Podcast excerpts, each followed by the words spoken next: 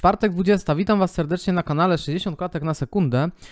Yy, I mamy dzisiaj kolejny odcinek, kolejny temat. Myślę, że dosyć dzisiaj ciekawy będzie temat, ponieważ porozmawiamy sobie dzisiaj o tym, czy systemy abonamentowe mają zły wpływ na rynek gier. I natchnęło mnie to, ponieważ taki temat mnie natchnął, ponieważ od jakiegoś czasu obserwuję różne dyskusje w internecie różne komentarze, mm, zarówno twórców, jak i ludzi, którzy później komentują te materiały.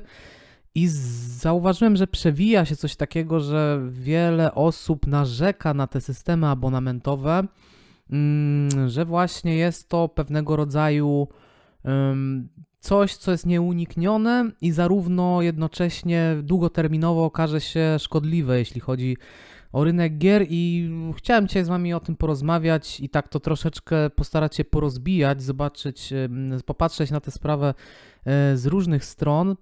Ja tak pokrótce powiem, że moim zdaniem to są oczywiście takie przewidywania, jakie osoby, która tak naprawdę no nie ma żadnej takiej wiedzy, żeby realnie przewidzieć przyszłość. Zresztą, jak się okazuje, to też wielu ekspertów bardzo często się myli w wydanych mm, przewidywaniach, więc to zawsze jest takie troszeczkę, powiedzmy, mm, taka opinia średniej jakości. No ale jest to dosyć ciekawy temat, więc można go potraktować dosyć rozrywkowo. Ponieważ właśnie wiele osób też się wypowiada w takim tonie pewnym, że na pewno to będzie, że to będzie miało złe konsekwencje na rynek gier w przyszłości, no to postaram się to troszeczkę jakby zaatakować. Mm, chociaż też nie chcę wychodzić z jakąś od razu gotową tezą, bo no tak jak mówię, może się okazać, że faktycznie y, to będzie miało zły wpływ w przyszłości na gry i nikt tego do końca nie wie. Ten rynek jest dynamiczny i wydaje się, że nawet wielkie korporacje, y, które podejmują pewne ruchy, no to też liczą się z jakimś ryzykiem, dużym ryzykiem i nigdy nie wiadomo w jaką stronę to wszystko się potoczy.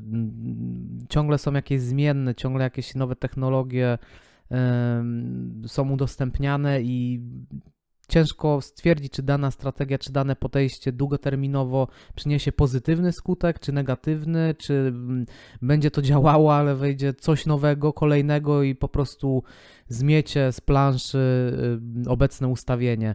Mm, także, ale pobawmy się, pobawmy się w ocenę y, tego, tych systemów abonamentowych, bo one są bardzo ciekawe, to jest dosyć świeża w ogóle mm, praktyka.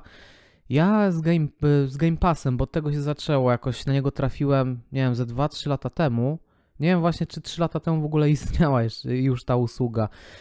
Natomiast ja widziałem, jak on te początki Game Passa i na początku miałem wrażenie, że to jest y, taka usługa ze średniej półki. Średnie, taka średnia jakość, bo tam było dużo wrzucone mm, dużo takich gier, które mm, już nie były pierwszej świeżości. To były gry z tej.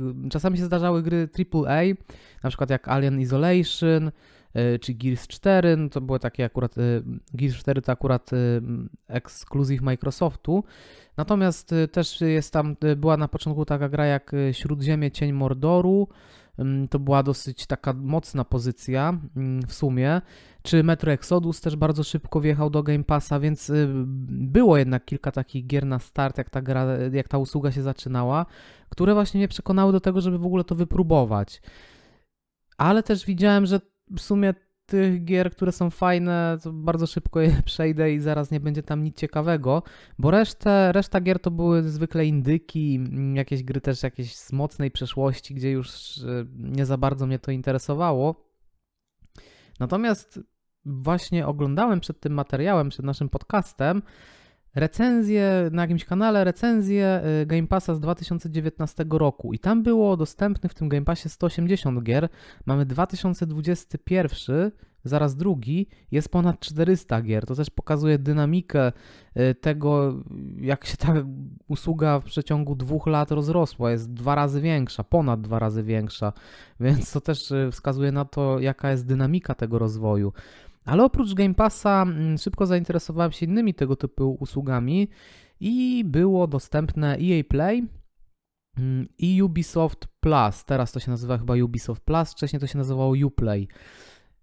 I muszę przyznać, że y, tutaj paradoksalnie, mm, paradoksalnie, może paradoksalnie, bo Ubisoft nie jest takim, nie, jest dużą korporacją, ale nie jest tak wielką korporacją jak Microsoft czy Electronic Arts, EEE, Electronic Arts.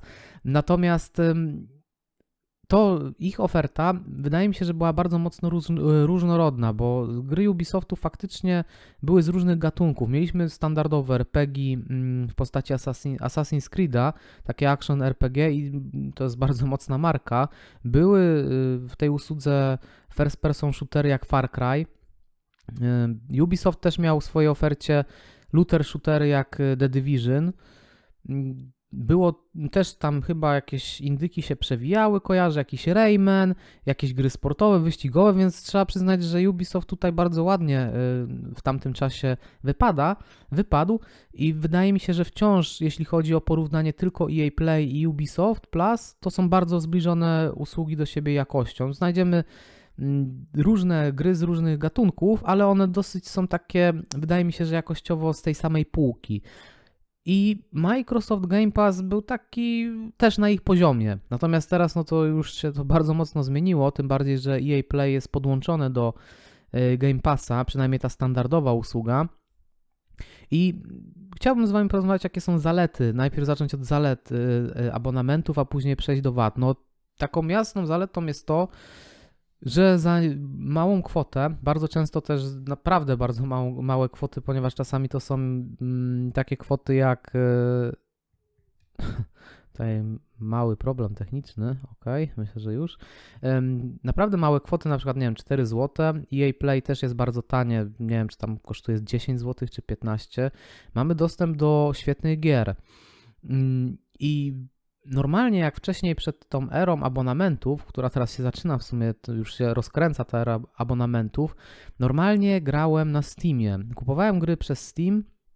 Mm, jeśli chodzi o PC-owe granie, to pudełka już jakiś czas temu wyrotowały i ja osobiście nie tęsknię. No ale to ja, niektórzy lubią kolekcjonować, zależy od y, gustu i preferencji danego człowieka. I na Steamie wyhaczałem jakieś promocje i na Steamie można było, można wciąż w ciągu dwóch godzin, godzin zwrócić jakąś daną grę, więc można było je testować również. Y, nie, nie było tak, że trzeba było od razu kupić i koniec. Natomiast problemem ze Steamem jednak było to, teraz jak widzę po czasie, że ja nie próbowałem bardzo wielu różnych gatunków gier. Na przykład takim odkryciem ostatnio dla mnie była Forza 5. Normalnie nie lubię gier wyścigowych, bardzo rzadko w ogóle takie tytuły dotykam. Generalnie już nie dotykam, bo myślę, że im jesteśmy starsi, tym mamy te, ten gust bardziej wyrobiony, bardziej wiemy czego chcemy, jesteśmy bardziej też zamknięci mimo wszystko na eksperymenty. I te usługi abonamentowe po prostu potrafią nam poszerzyć horyzonty, bo nic nas nie kosztuje mm, spróbowanie danego gatunku gier, oprócz czasu oczywiście, ale mm, to otwiera nam takie pole. To, to jest, jak ostatnio o tym myślałem, to wygląda to w ten sposób. Wcześniej wybierałem na Steam gry na zasadzie zagrać najlepszą grę e, za daną kwotę. Czyli po prostu mam na przykład, nie wiem, 200 zł i za, tą, za te 200 zł mogę sobie powiedzmy kupić jedną grę. Więc chcę kupić najlepszą możliwą grę, opierając się na moich wcześniejszych doświadczeniach, czyli z gatunków, które już wcześniej, które już wcześniej znałem i lubiłem. Natomiast z Game Passa, czy z Ubisoft Plus, czy z EA Play wybiera się inaczej gry. Wybiera się gry ciekawością bardzo często. I to jest właśnie największa chyba zaleta abonamentów, że przestawia nam się kategoria, kategoria i kryteria, w jakich dokonujemy wyborów, jeśli chodzi o tytuły. Więc to jest ogromna zaleta abonamentów ta cena i kierowanie się ciekawością, poznawanie czegoś nowego. To jest bardzo silna strona i wydaje mi się, że abonamenty, pomimo oporów, jakie ludzie mają, bo to jest coś nowego, trzeba podłączyć na początku, nie wiem, kartę kredytową. To są takie rzeczy, których raczej staramy się unikać, jeśli nie musimy. Mm, można oczywiście też wykupywać jakieś takie y, kody, mm, więc niekoniecznie musimy podmieniać kartę, ale jest to coś takiego na początku odrzucającego. Mm, zawsze każdy z nas ma przyzwyczajenia i jak wchodzi coś nowego, no to zwykle mamy pewnego rodzaju opory i niekoniecznie jesteśmy przekonani e, do takiego systemu. Ja też wiele razy na początku kupowałem Game Passa, od razu wyłączałem, mm, zapominałem o nim on na przykład na 2-3 miesiące, później jak było coś ciekawego, czy się zebrało kilka ciekawych gier, to wracałem do tego. Także ja też na początku nie byłem do końca tego, e, e, jeśli chodzi o tą usługę, przekonany. Teraz korzystam głównie z tej usługi. To też jest taka zmiana, że, mm, że warto ją tutaj e, wspomnieć, ale to też jest kwestia tego, że gdyby Microsoft nie dodawał bardzo mocnych tytułów i właśnie z taką częstotliwością, to też bym po prostu wyłączył tą usługę. Ale to zaraz do tego przejdziemy też, do tego, ile um, przez to, przez, przez ten model biznesowy, żeby utrzymać zainteresowanie, korporacje tutaj muszą bardzo mocno się wytężyć, ale zaraz do tego przejdziemy. Teraz, jakie są wady abonamentów? Tutaj wady abonamentów, y, wiele osób wskazuje to, że nie posiadamy gry na własność, że serwery mogą być kiedyś wyłączone i stracimy dostęp do tych gier.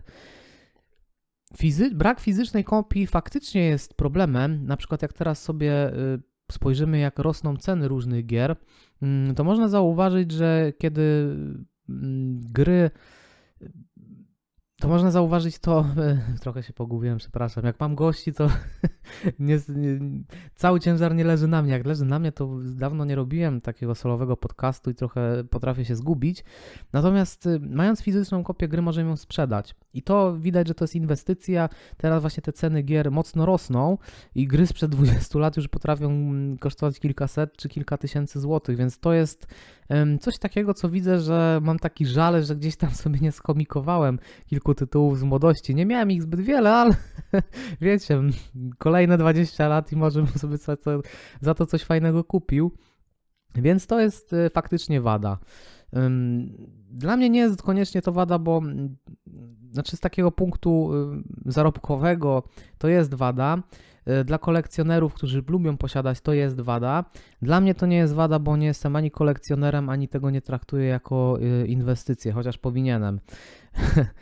Mm, tak samo jak byłem przyzwyczajony na Steamie do tego, do kupowania gier cyfrowych, to dla mnie żaden nie jest problem kupowania, kupowanie gier cyfrowo na konsolę, czy korzystania z abonamentu, gdzie te z czasem gry mogą zniknąć. W ogóle mnie to nie interesuje. Jak przejdę daną grę, to dla mnie ona jakby już nie istniała. Rzadko wracam do danych gier to się praktycznie nie zdarza. Ale to, tak jak mówię, teraz mówię za, w swoim imieniu. Dla mnie to nie jest wada, ale wiele osób chce wrócić i może kiedyś nie mieć takiej możliwości.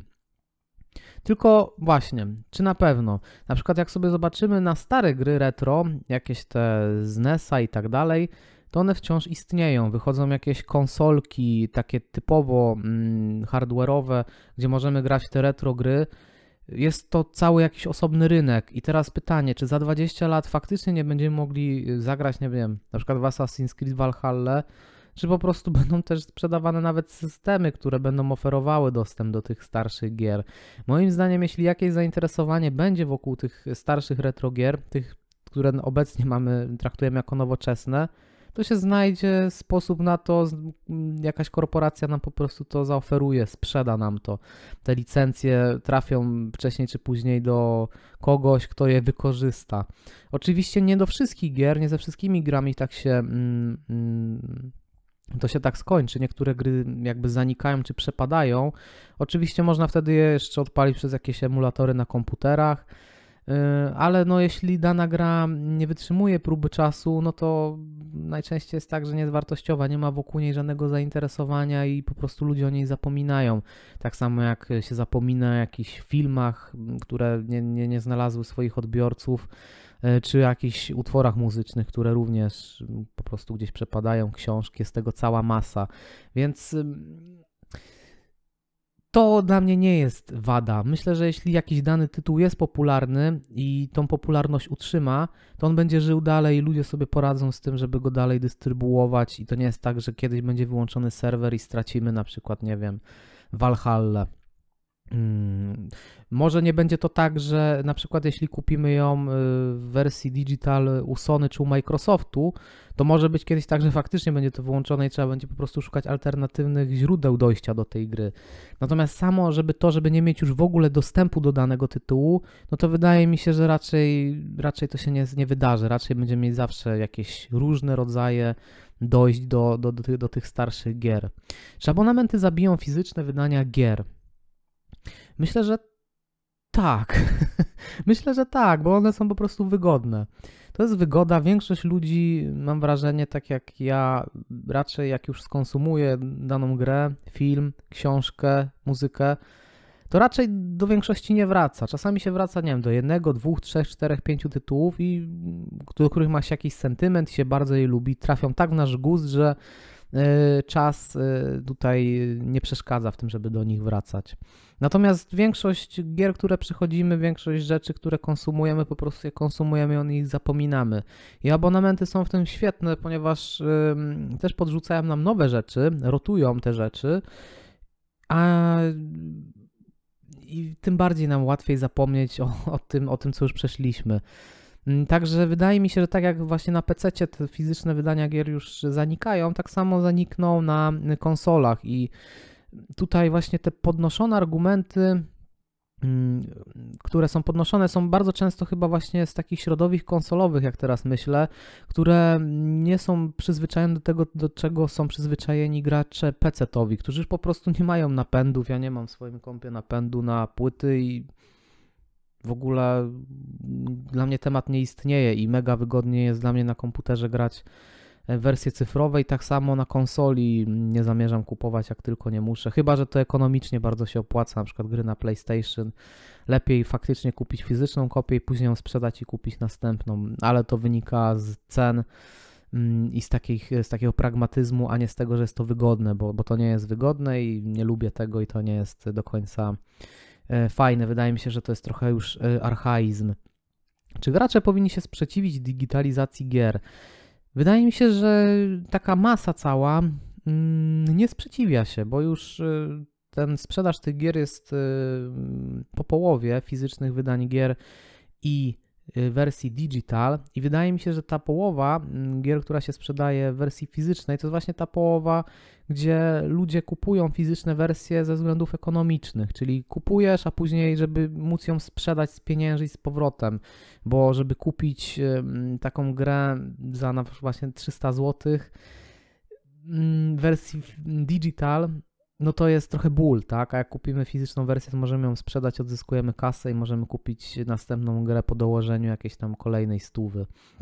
Także tu nie ma jakby sprzeciwu, to jest po prostu wygoda. Mm, I ta wygoda, ostatecznie komfort wygra, bo my z natury jesteśmy tacy, tak myślę, tak chyba jest zresztą, że jeśli nie musimy wydatkować dodatkowej energii, to tego po prostu nie robimy. Jeśli może jeśli możemy iść po jakby nis, niskiej linii oporu, to to zrobimy, bo człowiek sobie ceni komfort. Każdy człowiek chce, żeby było mu wygodnie, żeby nie marnować czasu, a fizyczne kopie to jest tak, trzeba ją albo zamówić, czyli czekać, aż kurier przywiezie, albo jechać do sklepu i ją kupić fizycznie.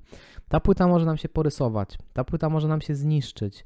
E, ta płyta może nam się zgubić, ta płyta yy, jednak wydaje jakiś głos w fizycznym napędzie. I to są wady fizycznej płyty. Mm, dużo ludzi lubi posiadać, e, kolekcjonować. Znaczy właśnie, jak, jak dużo? Jak dużo tak naprawdę jest kolekcjonerów? Wydaje mi się, że więcej jest osób, którzy, y, osób, które po prostu mm, daną treść y, po prostu nie zbierają rzeczy. Na przykład y, wydania filmów Blu-ray, tutaj odwołując się do innej branży.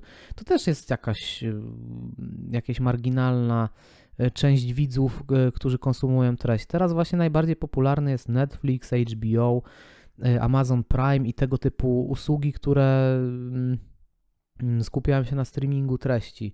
Więc y, też raczej ludzie już odchodzą od tego, żeby kupować y, filmy na płycie, chyba że chcą osiągnąć tą najlepszą jakość, gdzie streaming na to nie do końca pozwala. Więc to jest tylko, to, to jest, tam chyba też jest właśnie ten jeden argument, dwa argumenty. Kolekcjonerzy i osoby, które chcą oglądać w najwyższej jakości. W grach to odpada, bo czy kupimy wersję digital, czy fizyczną, to ta najwyższa, to ta jakość jest zawsze taka sama, więc zostaje tylko kolekcjonowanie. I teraz jest y, zasadnicze pytanie, ilu jest tych kolekcjonerów? Ja mam wrażenie, że mm, raczej mniejszość. Tylko oni mogą być wyraźni, no bo to są często gracze, fascynaci, pasjonaci, którzy po prostu prowadzą kanały. I ja sobie bardzo cenię takie osoby, to żeby też to wybrzmiało. To, że ja nie zbieram, to nie znaczy, że uważam, że jest to coś w tym złego, czy, czy gorszego i tak dalej. Jest to imponujące jakie niektórzy ludzie mają kolekcje, więc to jest bardzo fajna w ogóle zajawka, bardzo fajne hobby i bardzo świetna inwestycja, bo kiedyś te rzeczy, które taka dana osoba kolekcjonuje, śpi na takim małym majątku. Także to jest super sprawa, tylko to nie jest powszechna sprawa. I, i tutaj z tym będzie trzeba się jednak pogodzić, że e, że tak to będzie wyglądało. Czy abonamenty będą drożały, kiedy wykończą inne formy dystrybucji gier? No to zastanówmy się. Abonamenty, na przykład Netflix, HBO wykończyło właśnie taką dystrybucję fizyczną filmów. Mm, czy te abonamenty drożeją do jakichś absurdalnych kwot? Jakieś tam zwyżki były, ale nie wiem, chyba do 50 zł, czy nawet mniej dalej można wykupić Netflixa, więc chyba nie, chyba to tak nie działa. I nie zadziała, bo jak już widzimy, Sony będzie wchodziło w abonamenty, mamy Ubisoft Plus, mamy Uplay, mamy właśnie Microsoft, Epic Games to rozdaje gry za darmo, na Steamie coraz częściej można znaleźć rozdawane gry za darmo, więc y, jest, są platformy streamingowe od gier, czyli Google Stadia, y, i tak dalej, i tak dalej. Więc y, to nie jest tak, że Microsoft czy Sony sobie zarzuci, zażyczy za taką usługę 200 zł i my zapłacimy za nią 200 zł. Nie, to taka usługa po prostu wyłączymy ją w tym samym dniu, jeśli ona nie będzie opłacalna dla nas i znajdziemy sobie inną formę e, dystrybucji gier. Także podsumowując, to byłoby na dzisiaj z mojej strony mm, wszystko. Ja nie uważam, mm, żeby stała się jakaś katastrofa. Wydaje mi się, że to jest wygoda, mm, abonamenty z mojego punktu widzenia. Wydaje mi się, że to jest y, przyszłość i wydaje mi się, że nie wydarzy się tutaj nic złego dla konsumentów. Jakieś zmiany, zwyżki, zniżki mogą być, to mm, nie wykluczam tego ale nie tak katastrofalnie, jak niektórzy myślą, że na przykład, nie wiem, zły, so, złe Sony, jeśli zdobędzie jakąś przewagę, to od razu zażyczy sobie 150 zł, powiedzmy, za taki abonament, czy Microsoft, jak. No nie, bo, bo jest konkurencja. Jeśli Microsoft sobie zarzuci, zarzuci 150, zażyczy 150 e, zł za abonament, to po prostu przegra. I klienci odejdą, wyłączą, bo nie będą chcieli płacić za to więc poniżej jakiej, po powyżej jakiejś kwoty to nigdy nie pójdzie w górę. Także tak jest, taka jest moja opinia. Dziękuję Wam za, dziś, za, za, za dzisiejszy podcast i jestem ciekawy Waszej opinii. Trzymajcie się. Do usłyszenia.